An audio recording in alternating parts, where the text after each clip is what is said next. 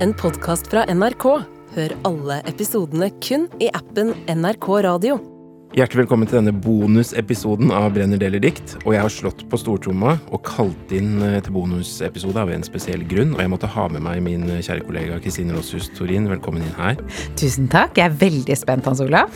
Ja, og eh, saken er nemlig at det er noe du kan kjenne deg litt igjen i, tror jeg. Fordi at vi er jo i den situasjonen at når vi har delt et dikt på lufta, som jo er det vi holder på med i vår lille redaksjon, og jobber frem disse episodene, så er det sånn at vi må betale en poet etterpå. Ja, Det er ikke gratis, dette her. Nei, det skal ikke være gratis.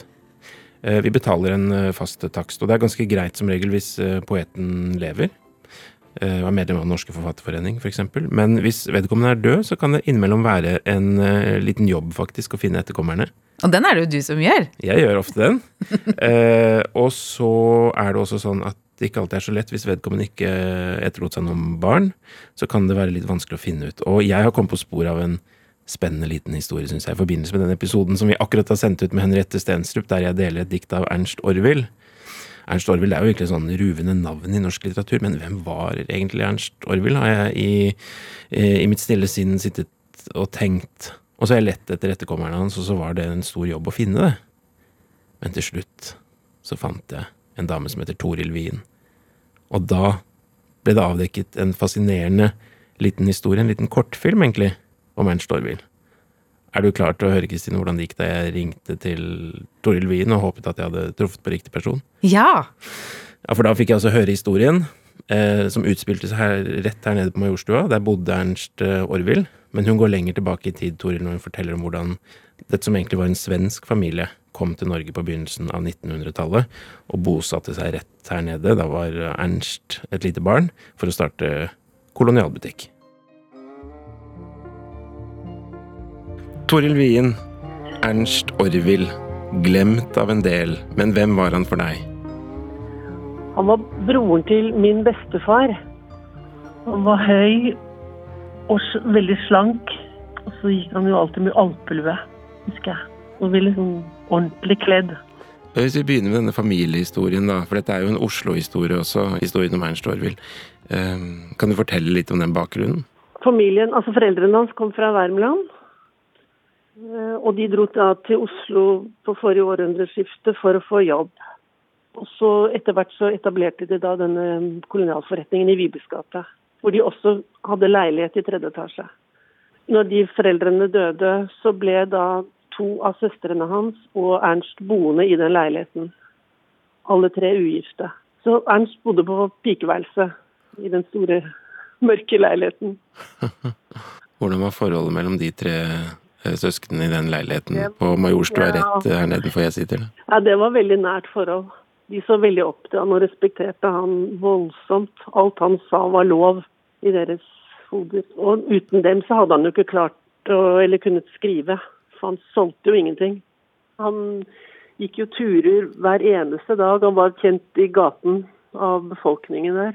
Eh, og han gikk jo opp der mot Fagerborg satte seg på en benk der oppe hver eneste dag. Også hvis han hadde kobberpenger da, i lommen, så kastet han de på gaten. Fordi eh, han mente at når folk fant penger på gaten, så det betyr jo lykke, da. Så da gjorde han mennesker lykkelige. Det var fint, da. Ja. Mens søstrene måtte tjene pengene? Ja. så kunne han gå rundt og kaste kobberpenger for andre folks lykke? Ja. ja, det er nydelig. Han fortalte at han, kunne, han ble jo aldri gift, Ernst Orwill. Uh, men han var veldig glad i, i, damer og en flørtete kar. Var det sånn at du hadde funnet et dikt som kastet litt lys over den uh, siden ved han? Ja, det er et dikt som heter 'Kort møte', som jeg syns er veldig Beskriver veldig han. Og hans uh, måte å snakke på. Litt sånn underfundig. Som ikke helt skjønte alltid helt, men så kunne man humre litt etterpå og skjønne hva han egentlig mente. Det er to stykker som møtes på trikken.